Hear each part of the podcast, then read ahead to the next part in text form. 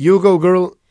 Spoštovani in spoštovane, dobrodošli v novi epizodi podcasta Met in Čaj, podcasta o medijih, dobrih in slabih praksah, novih tehnologijah in trendih prihodnosti. Gosti v medijih delajo, z njimi živijo in v njih razmišljajo, gostitelja pa sva Nataša Briški, Metina Lista in Aljaš Pengov Bitens, Radio Chaos.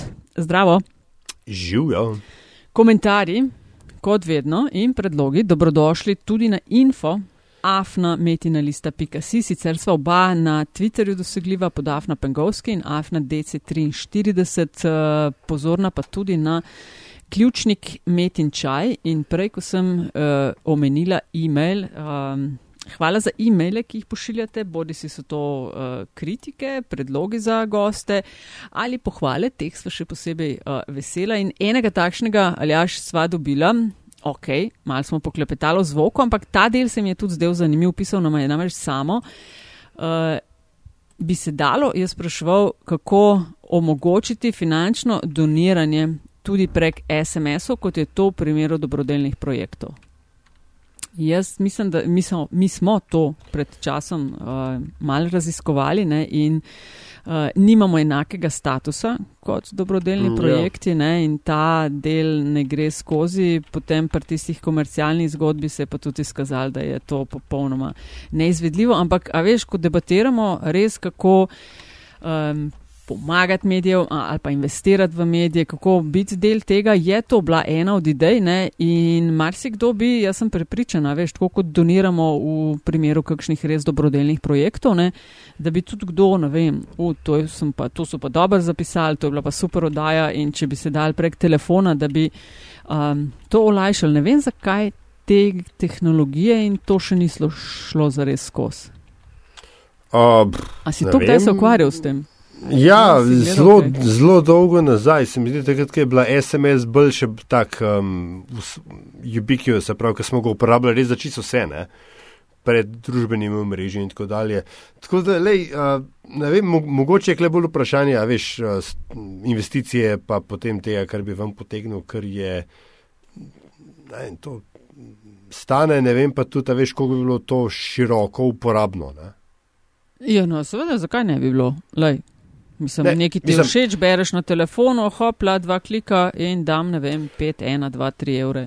Dobro, zdaj imamo te Apple Pay, Google Pay, ne vem, kva že Pay. Ja, sem nimajo, nimajo to vsi, a veš, telefon imamo vsi, to bi za velik večji delež populacije bi. Ampak ok, lej. To je mogoče ja. enkrat, za, da se zakopljeva v to temo. Je za, raz, za razmisel, tako. Evo. Za razmisel. No, bomo pa danes uh, se lotili um, zanimivih tem.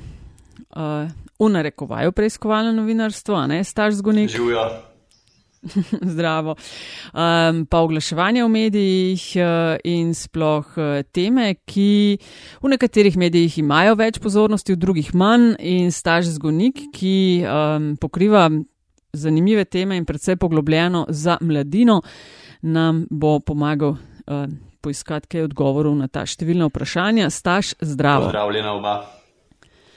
Um, prvi podcast za te. Res je. Če sem te prav razumela, je.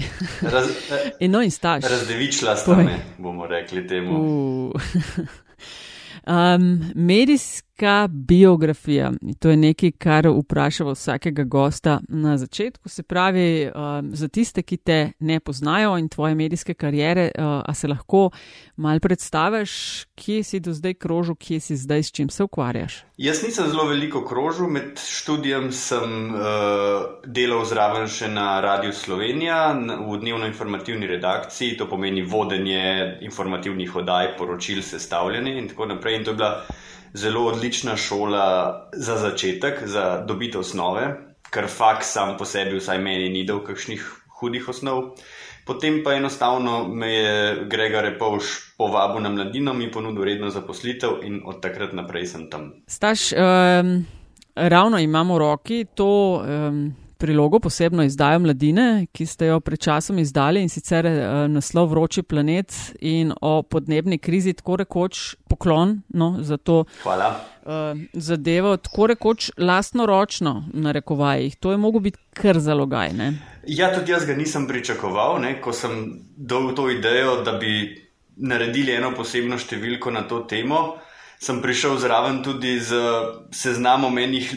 In seznamom nekih imen, ki bi lahko kaj napisali, ker ponovadi smo imeli ta format, da smo imeli te posebne izdaje, da je bilo več avtorjev, vsak je napisal en članek, ki se mu je zdelo tisto, kar se mu je zdelo najbolj pomembno. Ampak tokrat je pa nekako prevladala potem misel, da, da jih to kar sam naredi. In jaz sem najprej seveda zavijal z očmi, sedel v Bogega, ampak potem sem pa razmislil in prišel do sklepa, da bom tako lažje v bistvu povedal tisto, kar mislim, da je treba povedati, in tudi nek log držal skozi celo številko, ker takoj, ko si odvisen od drugih, potem teže prideš do neke celote, ki drži vodo. No. Ko smo se pogovarjali o tem pogovoru in o gostovanju v podkastu, um, sem ti omenila, da bi želela zalažem s tabo govoriti o tvojem delu preiskovalnega novinarja na mladini, na kar je bil tvoj odgovor. Jaz se sicer nimam za preiskovalnega novinarja in pravzaprav trdim, da preiskovalno novinarstvo ne obstaja, da obstaja samo dobro in slabo novinarstvo. A lahko to še mal bolj razčlenaš? Preiskovalno novinarstvo ne obstaja. Ja, jaz, Zakaj ti gre to na živce? Jaz trdim, da je novinarsko delo to, da informacije, ki jih imaš, znaš postaviti v kontekst. Kontekst pa uh, zahteva nekaj predznanja, zahteva nekaj, lahko rečeš, tudi raziskovanja, ampak to ni noben presežek, to je osnova, vsaj za moje pojme, da veš, da znaš ti bralcem potem na preprost način, razumljiv način razložiti in umestiti stvar v kontekst, ker brez konteksta je lahko katera koli novica senzacionalistična. Ampak uh, vendarle, ne, staš, uh, sej, ne da ne bi bil upravičen do svojega mnenja, ampak mogoče uh, teme, ki jih ti obdeluješ, so, da tako rečem, data heavy. Uh, stvari, ki, ki jih ti pokrivaš, s katerimi se ti ukvarjaš, uh, zahtevajo uh, že same po sebi do ne samo znanja novinarske obrti, ampak tudi neko drugo, skoraj da rečem, strokovno znanje. Uh, si mogoče tu uh, krivičen ne, do uh, teh topikalnih tematič, tematskih novinarjev, kamor recimo uh, uh, bi lahko uvrstili tudi sebe. Ker konče vazi si vendar ne pokrivaš cene solate na tržnici ali pa ne vem, ti pišeš poročila z novinarskih konferenc. Ne?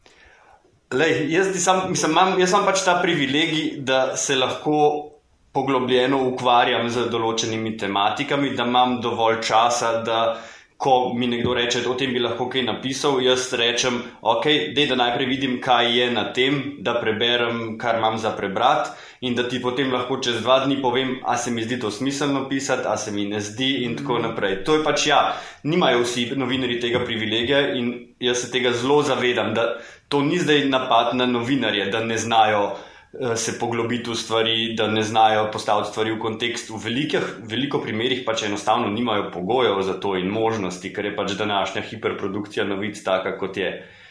Ampak s, mam, ni, ne morem si pa reči preiskovalni novinar, mislim. Kaj pa jaz preizkujem? Pač poglobim se v stvari, to je vse, kar lahko rečem. Okay, lej, sej, fair, ja, okay, ampak fair enough, no, sam pač me, me je zanimalo, da mogoče še meškam bolj uh, um, razdelamo. Še nekaj bi, še nekaj bi uh, ja, ker, izvoli, veš, to, kar pa večina ljudi vidi kot preiskovalno novinarstvo, to, da ti dobiš neke papirje in potem iz tega narediš zgodbo, se zdi pa meni tudi zelo tako hm, dvomljivo, ker je takoj, ko ti dobiš neke papirje, se moraš vedno vprašati, zakaj si dobil te papirje, kdo ti jih je dal in s kakšnim namenom. In tukaj je veliko umazanije vedno zraven. Uh, ena stvar, ki je mene, uh, če smem pač kar se ti mu reče, zaružiti grlom v jagode, v lepi sloveščini, presen, presenetila.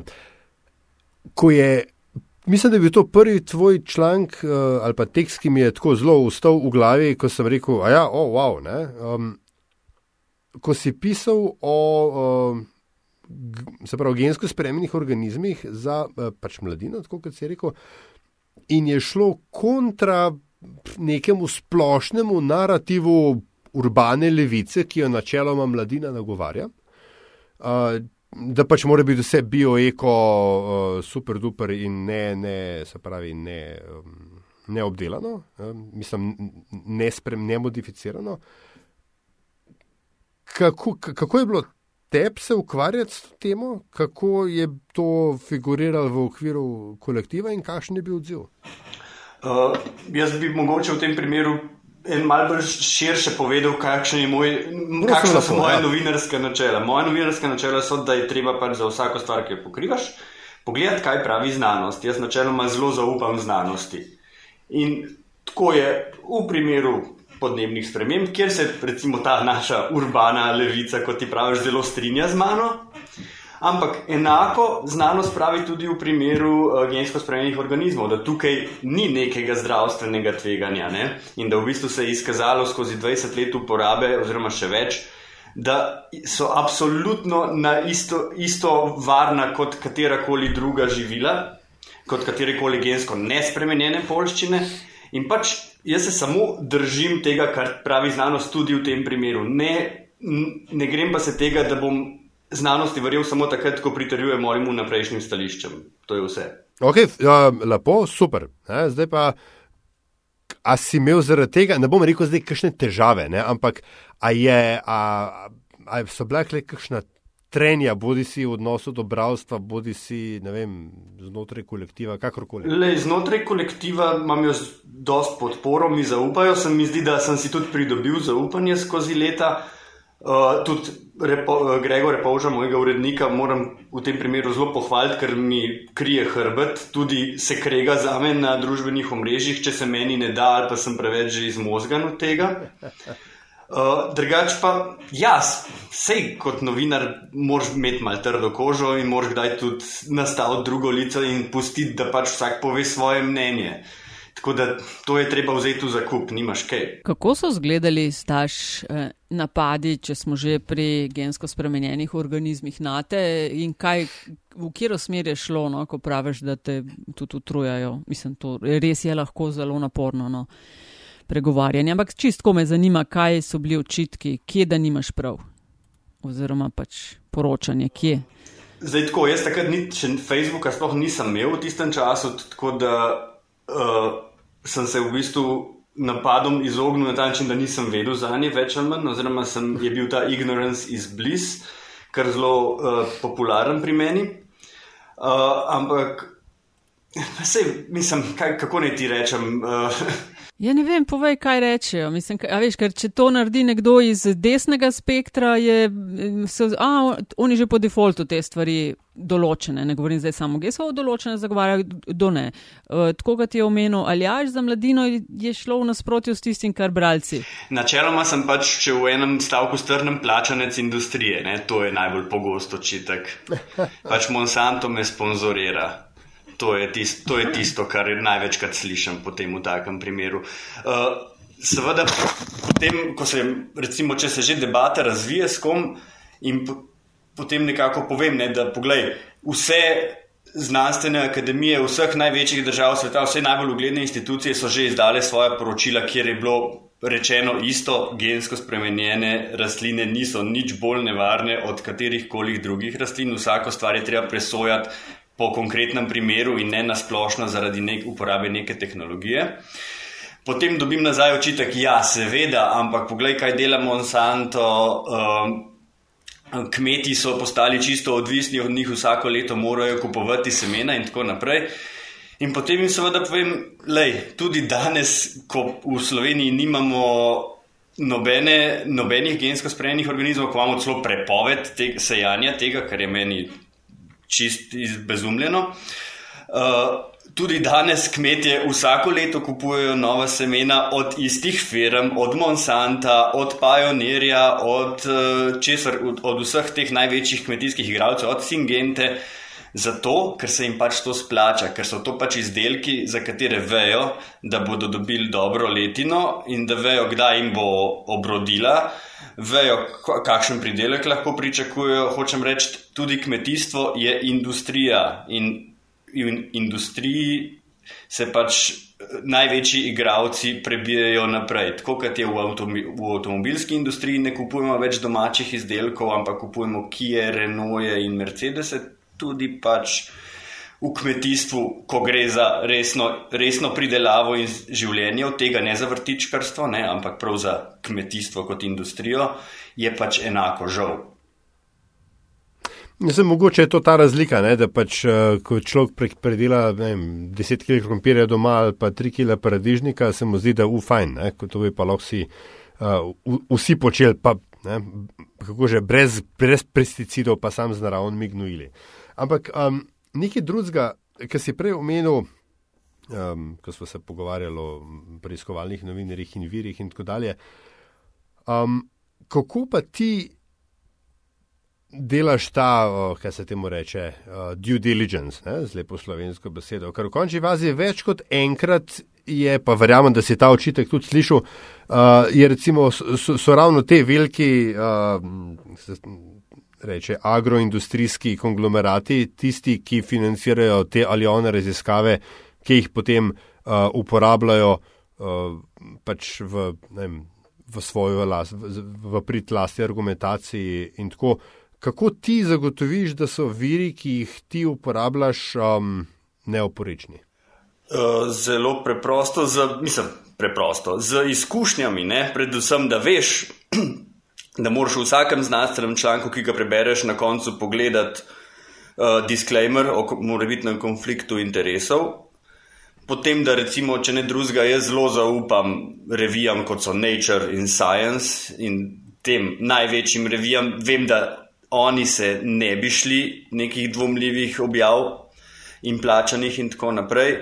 Prav tako, pač se, kot sem rekel, v, te, v tem primeru, greš pogledat recimo kakšno poročilo od kakšne akademije znanosti ali britanske ali ameriške ali evropske in tako naprej. Vse to je bilo že. Lahko greš tudi, ne vem, na uh, te razne evropske institucije, ki so kot so Evropska agencija za varno hrano in tako naprej. In potem, ko vidiš, ne, da, je na, da je tle skupek enih zelo podobnih trditev oziroma uh, podatkov, potem pač lahko začneš počasi zaupati temu, kar se govori. In ko spremljaš staž slovensko medijsko sceno, kako dobri ali pa slabi se ti zdi, da smo novinari in novinarke po tvoji oceni v prepoznavanju, kdaj gre za bullshit paper, kdaj pa m, mm, velja zaupati? Uh, ja, hitrost je tlele kar sovražnica. Ne? Zato, ker nima, nimamo več časa, da bi se ustavili in razmislili, pogledali, poklicali še koga, ki se spozna na to, vprašali, kaj si on misli. Veliko krat je to samo, wow, zanimiv naslov, klikali se bo, dajmo to hiter na net. Tako da nisem najbolj navdušen nad tem, moram reči. Večinoma, veliko krat se mi zdi, kot da jaz potem v petek, ko izidemo, bolj eh, popravljam, kar je bilo v prejšnji teden narobe rečeno.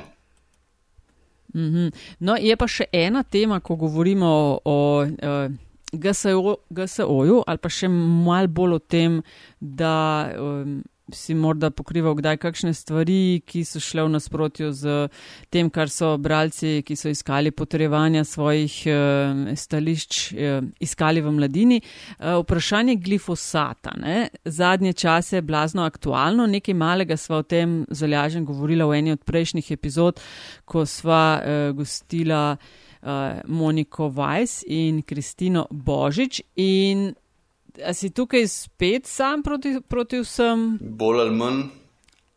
E, kar pomeni, da praviš, da glifosat ni drama. Uh, naj razlo ne, ne Mislim, razložim. Ne praviš pač tisto, kar poročaš. Prosim, ne ja. razložim. Ja. Glifosat je neločljivo povezan z gensko spremenjenimi organizmi. Postal je zelo glasen zato, takrat, ko je Monsanto razvil te svoje roundup redi polščine. Ne? Pač to so bile rastline, ki so bile gensko spremenjene tako, da so lahko tolerirale glifosat, kar je pomenilo, da so pač lahko kmetje sejali uh, koruzo in tudi, ko je koruza že usklila iz tal, so še enkrat pošpricali z glifosatom polje, pomorili v splevel, da se ni razrasel, preden je koruza razvila svoje liste, ker ko koruza enkrat razvije svoje liste. Senči zemljo pod njo in plevel se ne more več razviti, ampak v zgodni fazi pa to ne gre. No, in s tem, ko, so, uh, ko je Monsanto naredil ta Roundup Ready Potion, to je bilo njihova top izdelek, s tem so oni prodrli. In seveda, hkrati, ker so pač gensko spremenjeni organizmi kot taki bili uh, padli v nemilost v javnosti, je zraven tudi glifosat. In potem je, uh, pa ne vem, koliko je par let nazaj, je bilo, ko je uh, Mednarodna agencija za raziskave raka, IRC, ki je uh, organizacija, mislim, ki je ena od agencij Združenih narodov, je dala ven mnenje da je glifosat, da glifosat verjetno povzroča raka. In takrat se je pa usulo, ne? takrat je bilo, zdaj, to je bil pa uh, zdaj tisti. Samo za tisti žebelj v krsto, ki so ga potrebovali vsi ti nasprotniki gensko spremenjenih organizmov, da so pa zahtevali zdaj prepoved glifosata. Ampak, seveda, hkrati, skoraj hkrati so prišla pa tudi mnenja Evropska agencija za varno hrano, EFSA, eh, Evropska agencija za kemikalije, eh, pa še Nemškega inštituta za ocenjevanje tvegan, ki je opravljal eh, ocene, oceno tvegan za Evropsko komisijo, ker je bil glifosat ravno takrat v postopku novične odobritve. Ki so pa vsa, vse te institucije pa so sklenile, da glifosat ni rakotvoren in tudi ne mutagen. Ne? Uh, Ampak tle se, se treba zavedati ene ključne razlike, da ko IRC uh, ocenjuje uh, rakotvornost, se ne sprašujejo o vsakdanji izpostavljenosti, o tem, ali bom jaz ti ali kdorkoli prišel, s kakšno količino te, tega agensa bom jaz prišel v stik in koliko časa bom v stiku s tem. Oni samo pogledajo, aha, To, če prideš z dovolj veliko količino tega v stik za dol, dovolj dolgo časa, potem prej ali slej boš razvil lahko raka. Pa še to en mali delček, mislim, kaj je bilo glioblastom ali nekaj podobnega. Ne vem več točno, se opravičujem, nimam toliko dobrega spomina. Že v redu. Uh, Medtem ko vse ostale agent, uh, te ustanove so pa pač preverjale realno življenjsko izpostavljenost tej snovi recimo od kmetov ali od potrošnikov in tako naprej, in pač prišle do ugotovitve, da lej, če se jih ne kopaš v tem, pol ne bi smel biti kakšen hud problem. Vem, da je težko in to je fulje težko to tudi dojeti, doumeti se sprijazen s tem, da pač obstajajo kemikalije okoli nas, ki nam potencialno lahko tudi škodijo, ampak v, v dovolj mehkih odmerkih in v dovolj mehkej izpostavljenosti se pač ne moreš za vsako stvar sekirati, ker če se za vsako stvar sekiraš, bo ti za, zdrav, za zdravje dosti bolj škodilo kot tista mala izpostavljenost kakšni kemikaliji, ki je sem pa tja. Oprosti, to zdaj sem končal, ja, oprosti, malo dolgo je bilo. Ne. ne, lepa, mislim, zelo um, pedantno se posvečaš tema, temam, tako kot uh, bi si seveda želeli, da bi um, bilo, da bi to bila norma, ampak kot si že samo gotovil, po mojem, ste na mladini, ker pač izhajate enkrat tedensko in mislim, da tudi uh, spletne strani ji ne posvečate ali pa ne, da ne posvečate veliko pozornosti, ampak ne stavite ravno, da bi prek tega dobivali uh, kakšne nove bralce, ne? da je to vsem bolj redko kot ne. ne? In da zato tudi verjetno v medijih veliko Um, kaj zvem, uh, lažnih novic, čeprav nečemu, kar je lažno, ne moramo reči uh, novica. Ne? Je sem laž, lahko po mojem. Uh, si pa rekel, no, tudi da fact-checking projekti, da so zate bolj kot ne odraz poraznega stanja v novinarstvu. Zdaj kombiniram le glifosat, fact-checking uh, in uh, temeljiti pristopi k pokrivanju zadev. Tako bom rekel, no, dva, dva primera imamo recimo zdaj ne, v. Uh, Sloveniji, ki sta dosta odmevna. Pač en je ta dejstva na Pop TV-ju, ki ga dela Alenka Marot. Jaz, to smo ja v prejšnji epizodi. Tako. Načeloma se mi zdi, da zelo dobro delajo in vse, ampak mene je, zmotil, mene je zmotilo ime, dejstva. Ker, čakaj, ti moraš imeti posebno rubriko, v kateri boš dejstva navajal, a ni to nek osnova novinarstva, da se navaja dejstva, kjerkoli, kadarkoli, kakorkoli, v medijih ne bi se operiralo z dejstvi. In ko daš ti pose, eh, posebni rubriki naslov dejstva, se mi zdi, da s tem ne, na nek način degradiraš ostalo vsebino tvoje medijske hiše. To je moje mnenje. Uh, pri, razkrin, pri ja. razkrinkavanju, ki, ga, uh, ki pa ga ustvarjajo Anuška Delič in ostali na, v okviru Oštrega, me pa nekoliko moti to, da v bistvu ustvarjajo vsebine na hrbtih drugih medijev. Da v bistvu oni naredijo nekaj dobrega s tem, da do neke mere v narekovajih tlačijo druge dol. Ne? A ja, čakaj, zdaj v bistvu govoriš o tem eh delu njihovih projektov, kjer fakt čekajo. Razkrinkavanje se reče temu, ja. Tako, ja, reče se razkrinkavanje, ampak eh, kjer je target medijski, mediji in poročanje medijev, kar po mojem, mislim, ok, ne, zdaj ne sodam uh, vsega, kar delajo, ampak, a veš, mediji niso brezmadežni. Nismo. Vem, vem se strinjam, ampak zdi se mi, da je potem recimo, zelo me zmoti, ko potem naenkrat pride do tega, da sta na isto raven dana eh, nek članek ne, iz primorskih novic, ki, uh, kjer, je, kjer je bila novinarka malo površna, uh, pa uh, članek iz Nova 24, ki vemo, da je pač uh, totalen uh, naci bullshit. To, to je tisto, ker potem sta ne, na nek način izenačena. Poglej, oni lažejo in oni lažejo. Ne, pa ni isto, ne more biti isto. In to je tisto, kar mene zmoti pol. Da, sem to, veš, to, zdaj si se zapel ob imena. Ne? Sej tudi, veš, mladini je ime, mislim, Cajtengu je naslov mladina, a starejšega pa ne berejo. Kaj, kaj hočete povedati, starejši vas pa ne zanimajo. Lej, to pa žal bila je takrat, kot je bila ustanovljena. In... ne, pa to so imena, veš, še vse en gre za fact checking, gre za nek čist hardcore, nekdo ne vem, neki reče ali pa spusti v eno številko, zdaj je to res ali ni res, ok, eno je razkrinkavanje, ampak nasplošno tudi govorimo o fact checking projektih. Ne. Zakaj je to poraz, odraz poraznega stanja v novinarstvu? Ker se nimajo vsi, pravzaprav vse manj medijev ima um, resurse in ljudi, ki bi se s tem ukvarjali. Vse je samo še copy-paste. Mislim, to je kot pravi. Za me je to osnova novinarstva, da poročaš o dejstvih, da poveš, kdaj je kdo česa ni prav povedal. Ni to posebna rubrika. Zakaj mora biti to posebna ja, rubrika? Ok, zdaj, če nehamo tale, tale lonc mešati, ne, čeprav uh, je tako zelo fajn, malo mal, da je še malo ščepca noterno. Pa se, pa se ampak nekaj, mogoče, da bi se na to Um, ne, ker, mislim, načeloma se na nek način, mislim, ne vem, če se strinjam s tašem, ampak razumem, kaj, razumem, kaj hočeš povedati. Stvari ki, stvari, ki jih danes jemljemo za wow, bi morale biti same po sebi, umed, uh, same po sebi umevne, če se čmo res reči novinari in mediji. Ne? To sem tako prav razumem, staš. Tako, ok, v redu. Ampak zato, ne. da ti narediš svoj kopi, ti moraš tudi en kup enih stvari predelati. Smo, o tem smo se zato že pogovarjali. In fact checkeri, če jim tako rečemo, ne, za, for the lack of a better word, morajo tudi to narediti. Uh, a, a nisi, a, hočem reči, a niste v bistvu bolj sorodni, kot se morda zdi na prvi pogled. Sej ti moraš tudi. Uh, ja, se pravi, sem, jaz se nimam fule, za neko posebno rubriko. Ja, ampak si posebna rubrika, človek božji. Gled, to, kar, to, kar ti, to, kar ti delaš, dela mogoče še pet ljudi v Sloveniji.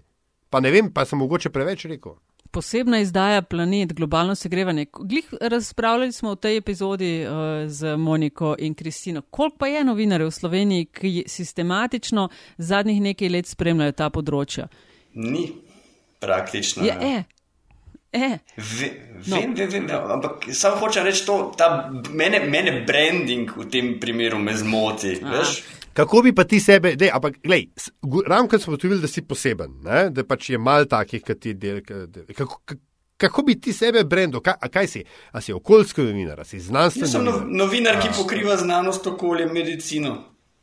Nič posebenega, nimam ja. se za neki ja, blazno. Mislim, da ne vem, ali te šamarijo zaradi te skromnosti ali kaj. kaj, kaj veš, ki ni, ki je do, dost lažje. Ne vem, jaz sem enkrat, veš, eh, dobro, ki smo že omenili NTVX in tako dalje. Fu lažje je napisati nekaj o orgonskih topovih, pa o chemtrailih, pa o, o, o vem, aluminiju v, v, v cepivih. Zato, da je urednik zadovoljen, da imaš 1500 eh, besed, pa dve sliki, pa adijo. Kot pa poiskati vire, uh, argumentirati.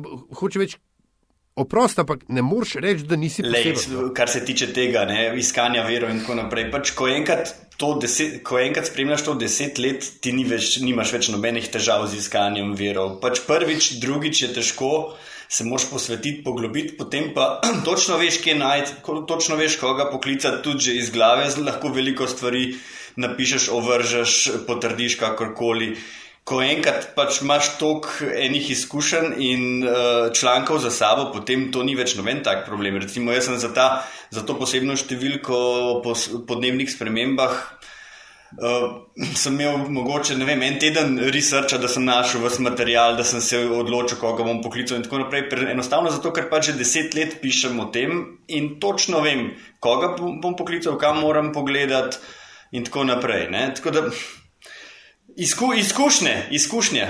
Ja, zdaj moraš biti pa previden, ker zdaj, ki si to povedal, ne bo Grega to slišal, pa rekel, ok, vsake dva meseca eno. Ja, ne, ne, ne, ne, ne, ne. ne, ne. okay, a, a, ampak mogoče gledaj nekaj drugega, ki se vendar to omenil, pa, pa kar je, kar je išel, ne, tudi v slovenskih medijih.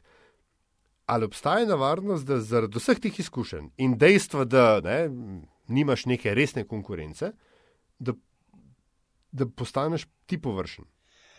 Površen, ne, mene bolj, bolj me, kdaj pa kdaj se sprašujem, če nisem, če kdaj pa kdaj preveč zagovarjam znanost, pa kdaj premalo poslušam tudi strahove ljudi.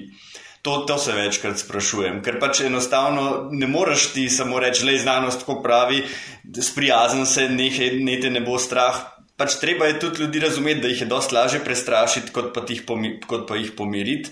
In da kdaj pa kdaj se je tudi znanost motila, to vsi priznavamo in vemo, in da kdaj pa kdaj se je tudi na zelo grd način motila. Tako da to, tukaj se še kdaj pa kdaj mal zamislim, pa tudi na uredništvu imamo kdaj še kakšne debate o tem. Ampak jaz na koncu koncu vedno pridem do sklepa, da je bolj verjetno, oziroma bolj pametno zaupati znanosti, dokler znanost sama ne dokaže, da nima prav, kot pa že, v, že vnaprej dvomiti v to, kar govori. Staš, a je mogoče cepljenje eno takšnih področji? Prej si zastrigel z ušesi, ko je Aljaš omenil cepljenje. Cepljenje v kakšnem smislu?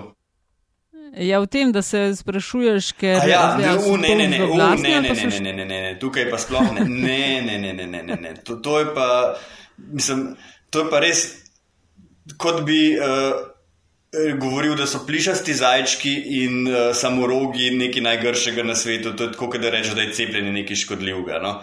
Mislim, uh, cepljenje je najbolj pomemben javno-zdravstveni ukrep, kar so ga v zgodovini medicine sploh razvili. Brez tega so bi nam otroci cepali kot muhe.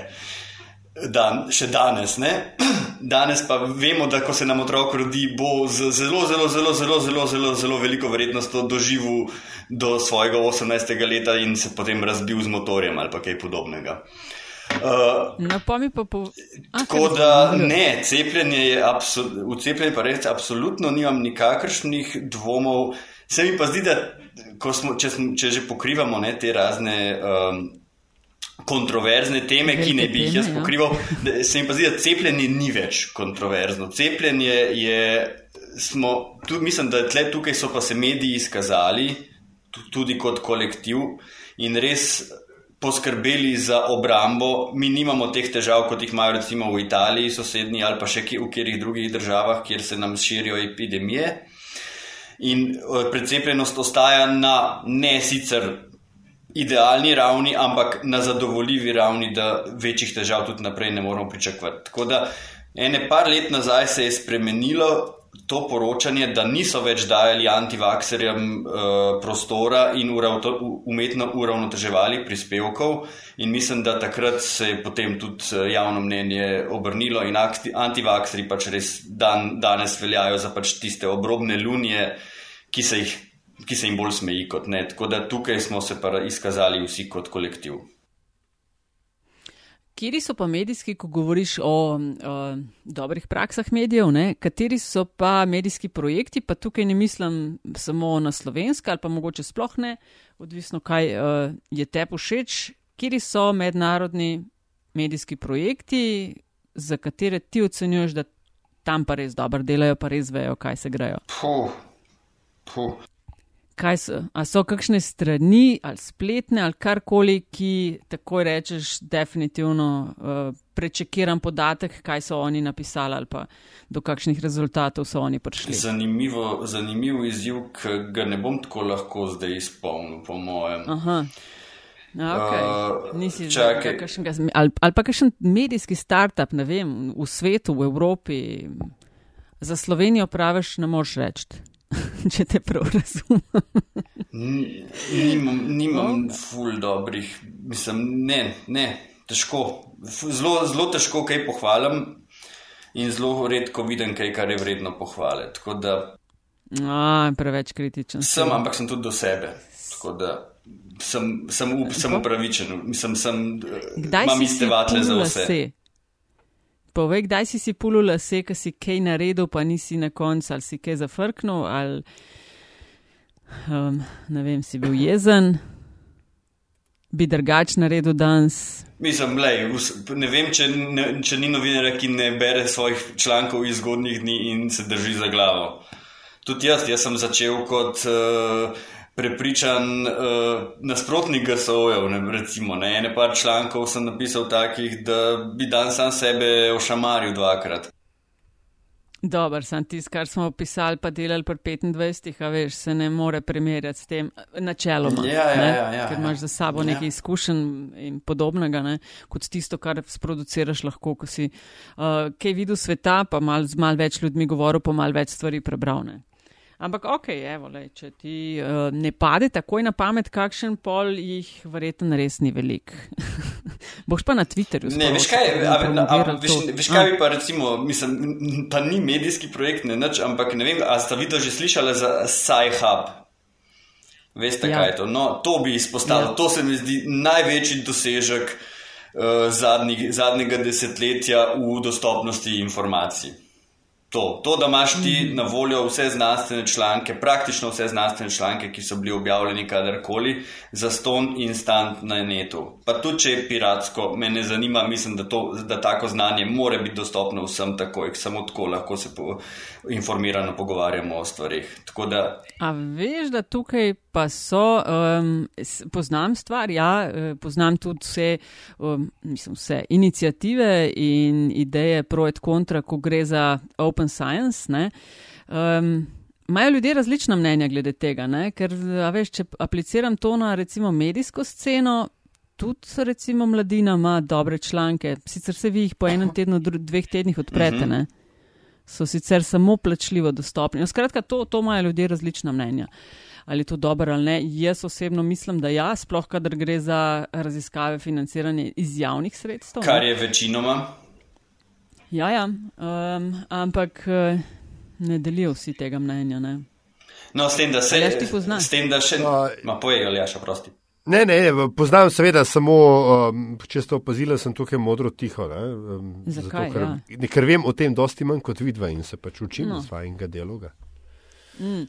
Kar sem pa še želela um, s tabo govoriti, sva v bistvu oba dva zalažem, uh, oglaševanje v medijih, prikrito, odkrito, oh. razkrito. Ne? Uh mhm. -huh. Ja, um, ne, to so meni zdijo pomembne teme in transparentnost delovanja. In mi dva zalažem, sva pred dvema letoma ne, štartala z Evropsko četrtjo, se pravi, to je bil projekt, v katerem sva želela. Um, govoriti malo več o evropskih temah, ker se nama obema zdi, da premalo vemo, kako je zares um, zakonodaja Evropska unija, pravzaprav naša zakonodaja ne? in da premalo o teh stvarih vemo. In ko sem uh, to omenila, da bi želela malo tudi s tabo o teh stvarih govoriti, si takoj zastrigo z ušesi, češ, a morta to zaradi sponzorjev. Mi dva sva naj, ja, malo zadnja razložim. Ne. V letošnji sezoni podpirajo deloma podcast Met in Čaj um, predstavništvo Evropske komisije v Sloveniji ne, in znotraj Metinga Čaja, v okviru kjerga že vem, sedem let govoriva tudi o tem, kje je Slovenija na evropskem zemljevidu delava tudi še malo več projekte s fact-checkingom, fact ker se nam zdi pač to pomembno, ne? da je treba spodbujati ali pa kazati na dobre prakse v medijih, ker je tega premalo. In uh, no, zdaj pa ti povej, a se ti zdi, da je, no, ne, a se ti zdi. Oglaševanje v medijih, na to se mi zdi, da imaš zanimive ideje lahko ali pa misli, ne? ker um, opažam, mi dva to vedno poveva oziroma objavlja na spletni strani, ne? ni pa nujno, da vsi svoje podpornike, sponzorje, donatorje tako javno izpostavljajo. Mm, to, to ni točno tisto, na kar jaz ciljam pri, ciljam pri uh, problematiki prikritega oglaševanja. Jaz, je, mene, kar mene najbolj zmoti, je nov, nov način oglaševanja, ki se je v zadnjih letih uveljavil tudi v Sloveniji, ki se mu reče. Tako, uh, ki je tako imenovano nativno oglaševanje, native advertising. Ne? To je ja, ja. trend, ki je prišel iz Amerike, seveda, k nam. Uh, pri, uh, opisuje pa v bistvu oglasno sporočilo, ki je plačan članek, ki je čim bolj podoben novinarski uredniški vsebini. Ne, ki je skrit med uredniško novinarsko vsebino in zato seveda dosti bolj privlačen, mislim, klikabilen, ker človek ne vidi takoj na začetku, bralec ne vidi takoj na začetku, da gre za oglas more, to ponavadi ugotovi šele na polovici ko, članka, ko bere, ali pa pol na koncu, ko vidi članek, omogoča ta pa ta sponzor in tako naprej. In to se je v zadnjih letih zdaj zelo uveljavilo tudi v veliki, veliki večini slovenskih medijev, da se take članke, ki jih. Ali bodi si napišejo uh, oglaševalci, bodi si jih napišejo posebne redakcije znotraj medijskih hiš, objavlja na spletni strani uvrščeni so v rubrike dom, avtomoto, trendi, kakorkoli, pač spet skupaj z, ja, povsod, skupaj ja. z uredniškimi članki, priporoča se jih. Potem, ko kaj klikneš, recimo, mogoče vas zanima tudi, ali pa najpopularnejši članki ta hip in tako naprej.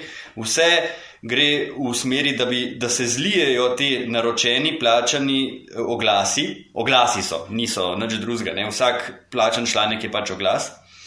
Eh, da se zlijejo z uredniško vsebino in da bralce zavedejo, da kliknejo na nje. Zdaj, oglaševalci bodo sicer rekli, da je to pa nekaj najboljšega, kar se jim je zgodil, ker pa naenkrat znajo bralci to bolj cent in več, več pozornosti posvečajo glasom, ker pač banerjev nihče več ne klikne in da so, imajo končno več engagementa v narekovajih z bralci ja, spet ja. prek teh oglasov, ampak jaz trdim, da je to izključno in samo zato, ker bralci pač so zavedeni in ne, ne hote ne vede kliknejo na ta oglas, ker mislijo, da gre za proper članek, čeprav dejansko gre za oglaševalsko sporočilo. Tudi meni, ki se imam za.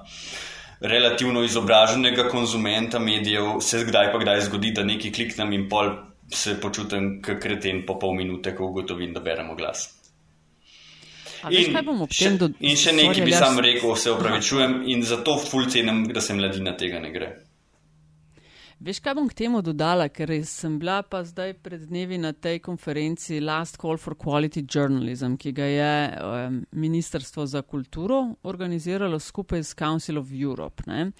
In sem bila na panelu, v katerem se je sicer govorilo o uh, umetni inteligenci in vplivih na medije in orodjih, ki pomagajo pri upravljanju novinarskega dela. Ne, je sedela na panelu ena Nemka, ki je naredila raziskavo o plačevanju uh, vsebin, novinarskih vsebin na digitalu. Ne? In eden, um, ena od stvari, ki jih je povedala, prav dvakrat sem jo mogla vprašati, če sem prav razumela, ne? ta uh, native advertising, torej ti teksti, ki izgledajo kot da so novinarsko delo, je pa nekdo plačal, da so napisani um, ali pa da promovirajo neko idejo, izdelek, karkoli. Ne? In je rekla, da, se, da, ljudje, da je njihova raziskava pokazala, da ljudje nimajo nič proti temu nisem mogla verjeti, res je rekla, ljudje want more of that.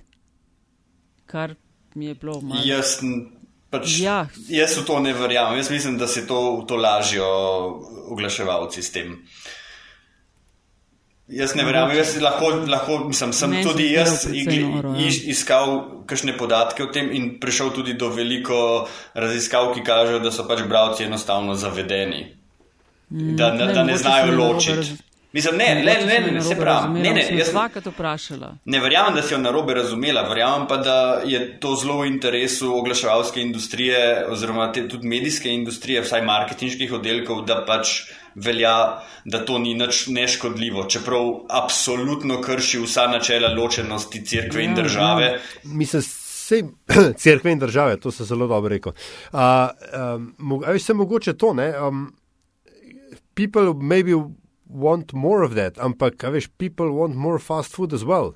Tako. Veš, ja, vprašanje, vprašanje je tukaj etične vloge medijev, ne, ki, ki, pač, ki so si sami sebi ne, skozi, skozi leta postavili to, kot si, kot si rekel, uh, staž požarni zid. Ne, in uh, je zdaj. Zdaj je ta, ta zid je zdaj v napoto. Ja, ja mislim, veš, ampak gre za vprašanje lastne integritete. Ne. Je, uh, ali boš ta zid zdaj porušil takrat, ko ti bo pasal, da boš zaslužil, ampak in potem hkrati še vedno rekel, ne, ne, prenesta pa marketinški in uredniški del popolnoma ločena, ali boš priznal, da v bistvu temu ni tako in da je v resnici treba. Uh, da je v resnici treba nehati jemati uh, pisanje nekega konkretnega medija, recimo zdravo, za zdravo, zagotovo. Uh, ali, ali, ali kaj, bo, kaj boš naredil. Tako da, veš, samo reči, people want more of that, je pač tako, kot če bi rekli, ja, seveda, ljudje hoče samo kri, spermo in seks in zato bomo samo o tem pisali. Ej, je bi ga, ne bomo samo o tem pisali. Le, tle, so, tle so pač različni pogledi. Ne? Imaš nekoga, ki reče, le, jaz bom imel take oglase zato, da bom zaslužil dovolj, da bom lahko še naprej tudi resne članke pisal kar je na nek način razumljivo ne, uh, stališče. Ampak po drugi strani lahko pa tudi rečeš, da na ta način počasi, počasi, počasi razprodajaš svojo kredibilnost in na koncu se spremeniš v ogrodje za oglase. Je tvoj, uh mhm. -huh. To je tvoj medij samo še ogrodje za oglase, kar česar pa si nočemo, ampak dajmo se sprijazniti, to se počasi dogaja. Um, kaj v večini medijev? Kaj bi tvoje ideje bile? Ja, finančna situacija v medijih eh, so kakršne so. Kaj bi tvoje ideje bile, če ti kaj pade na pametno in uh, kako bi mediji lahko boljš uh, ali pa s kakšnim delom boljš monetizirali svoje delovanje uh, in kakšno, kakšne medije, kakšno novinarstvo bi rad videl v prihodnje? No? Ali pa kam misliš, da bo šlo? Fuh. No. Ja, vem, težko. Ampak da mi je, staž zdaj pa reši medijsko industrijo. To, ne, bravo. ne, to lej. Mislim, rešil je ne boš. Ne? Kaj bi ti, kaj se tebi zdi, no? ker se verjetno ne razmišljaš, a bom jaz čez pet let še to počel in podobno. Ne? Kaj bi želel? Jaz mislim, da, da bi bilo ali pa ne bilo. Pa bo to mogoče zelo nepopularno stališče, ampak jaz mislim, da prej bo mogla država začeti to podpirati, če hoče ohraniti neko stopnjo javne razprave in demokracije. Uh, enostavno bo mogla malo bolj resno se lotiti ohranjanja nekaterih medijev. Pa vem, da je, to, da je tle sto enih pasti v smislu menjavanja uh, političnih opcij na oblasti in tako naprej. In vem, da je to blazno nehvaležna tematika. Ampak mislim, da bravcev ne bomo več preuzgojili v to, da bojo vsi plačevali. In na, sploh na mehkem trgu, kot je slovenski, se zelo bojim za obstoj večine teh resnih, tisk, sploh tiskanih medijev. No? Ker v Nemčiji lahko ohraniš neko kritično maso ljudi, ki, bojo, ki se bodo zavedali pomena tega in bili pripravljeni plačati za to, za neke resne novinarske izdelke, medtem ko Slovenija je pa enostavno premehna, po mojem, da bi to šlo. Ker je, so re, reality šovi dosti bolj in kričeče, in krič, kričeče voditeljice poročil, dosti bolj privlačni. Katere gledaš? Nobenih. Reality je. Nobenih. Kakšne serije, kaj povej, kaj saš bere, gleda, no? razen da za službo. Na zadnje sem, čr... Na zadnje sem Černobil gledal. U, to pa že dolg pol nisi nič gledal. Ja.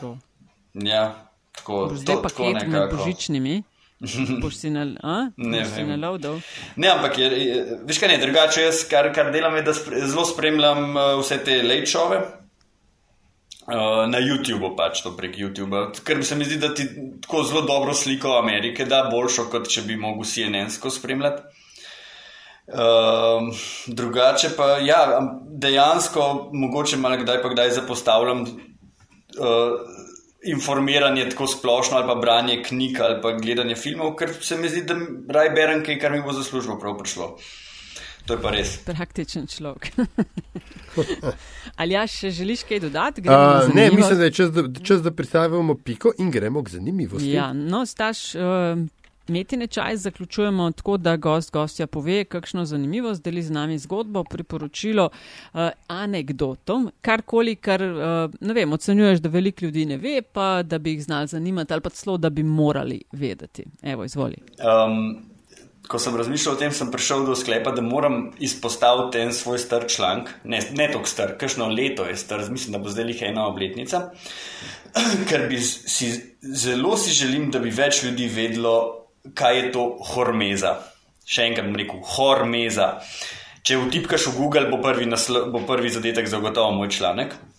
Gre pa za, kon, gre pa za, kon, gre, gre pa za koncept, uh, da številni, uh, številne snovi in dejavniki, ki smo, jih smo jim izpostavljeni v okolju in ki v uh, dovolj velikih odmerkih delujejo izjemno škodljivo na nas, ali naj bojo to strupi razni, ali radioaktivno sevanje, ali ultraviolično sevanje, karkoli, v velikih odmerkih delujejo škodljivo, v nizkih odmerkih delujejo pa spodbujevalno na organizem.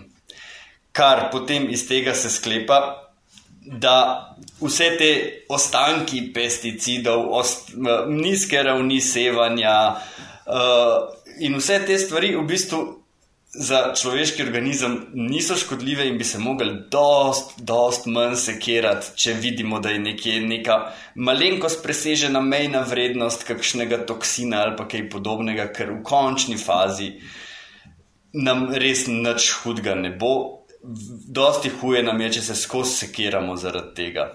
To je, to je to, kar bi jaz rad, res bi rad, da več ljudi preberete. Ker sem napisal ta članek z, z z največjim navdušenjem pa se mi zdi, da je šel zelo mimo in me moti to.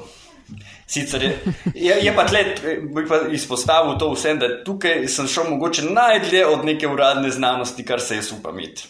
Ker to je še zelo tak uh, mejen, fringe koncept, ki pa ga eksperimentalni podatki dosti, dosti uh, potrjujejo. Tudi, ko sem se s par slovenskimi znanstveniki že pogovarjal, se jim je to zgodilo da so dobili take rezultate zanimive.